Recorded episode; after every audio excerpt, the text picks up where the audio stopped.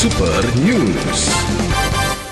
Saudara Super Radio pengurus wilayah Fatayat Nadatul Ulama Jawa Timur Yeni Lutfiana mengatakan, semua agama sejatinya mengajarkan kebaikan dan makhluk hidup adalah setara di mata Sang Pencipta. Sama halnya dengan laki-laki dan perempuan yang setara dalam Islam. Saya meyakini dan saya mempelajari dan itu ada di dalam ayat Al-Quran bahwa setiap orang laki-laki atau perempuan di hadapan Allah sama. Yang membedakan itu hanya ibadahnya dan ketaatannya kepada Allah. Kata Yeni, kesetaraan gender adalah soal mendudukan manusia sebagai manusia, maka laki-laki dan perempuan punya harkat dan martabat yang sama di dalam pandangan Islam. Bentuk kesetaraan gender dalam Islam sebenarnya banyak sekali, di mana banyak dijumpai praktik-praktik agama Islam yang sangat moderat, terbuka, dan egaliter dalam menghargai semua orang, baik laki-laki maupun perempuan, yang sebenarnya telah dicontohkan dalam kehidupan para pendahulu. Termasuk bagaimana Nabi mempraktekkan dalam sehari-harinya, bagaimana dia menghargai perempuan, bagaimana dia menunjukkan Khadijah sebagai umul mukminin,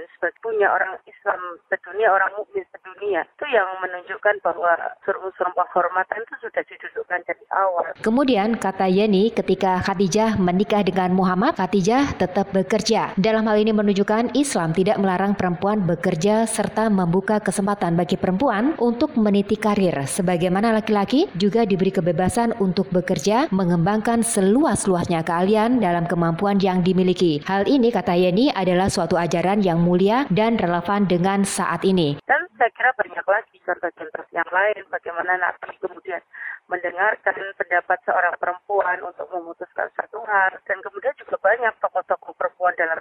Jika kemudian ada pandangan Islam sepertinya bersikap tidak adil pada perempuan, menurut Yeni ini merupakan satu proses panjang, perlu adanya wacana yang progresif. Maka dari itu, untuk bisa memahami sebuah pesan tidak cukup dengan teks, tetapi penting untuk memahami konteksnya. Quran adalah asbabun nuzulnya, sedangkan hadis adalah asbabul wurudnya. Keduanya penting bagi pembaca untuk memahami kosakata yang ada. Ketiga, melihat secara umum tuntunan Islam yang menyangkut tema-tema tertentu yang berpolemik yang salah satunya terkait dengan persoalan gender banyak sekali hadis-hadis produk-produk dana keislaman yang berkembang dan itu berarti kita banyak pilihan mana referensi yang akan kita gunakan dan hadis itu juga dimaknai juga tergantung siapa yang memaknainya dan hadis keluar sesuai dengan ruang dan waktu sekali lagi. Karena itu kata Yeni, ketimbang berfokus pada hadis yang dianggap memojokkan perempuan dan sibuk melakukan bantahan, tentu jauh lebih baik kalau mempelajari hadis-hadis yang lebih terbuka, mendukung kesetaraan gender, yang mendukung kesalingan, saling menghargai dan mencintai sebagaimana manifestasi bahwa setiap manusia, baik laki-laki maupun perempuan adalah sama di hadapan Allah, sama mulianya. Kemudian adanya adagium swargo nunut neraka katut yang masih sangat lekat sebagai tameng untuk menaklukkan seorang istri, Yeni menilai kalau adagium itu tidak relevan dan tidak benar karena Islam tidak mengajarkan seperti itu. Saya kira tameng itu tidak relevan ya, tidak benar karena yang pertama eh, Islam juga tidak mengajarkan seperti itu.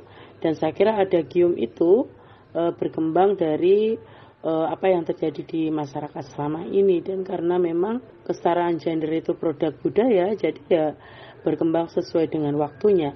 Tetapi ada gium itu hari ini sudah tidak relevan lagi karena menurut saya kita sedang mendapati satu perkembangan yang sangat positif uh, terkait dengan penghargaan hak-hak perempuan. Perkembangan positif itu salah satunya adalah dalam ranah politik, di mana dulu sempat ada ajakan untuk tidak memilih pemimpin perempuan, tetapi saat ini Jawa Timur memiliki gubernur dan kepala daerah perempuan. Meski sudah mengalami kemajuan yang luar biasa menurut Yeni, tetapi masih banyak hal yang harus diperjuangkan bersama, termasuk salah satunya wacana ketidakadilan gender yang berkembang di masyarakat yang itu menggunakan agama sebagai alat legitimasi. Saya Yosi Pambu Budi untuk Super Radio.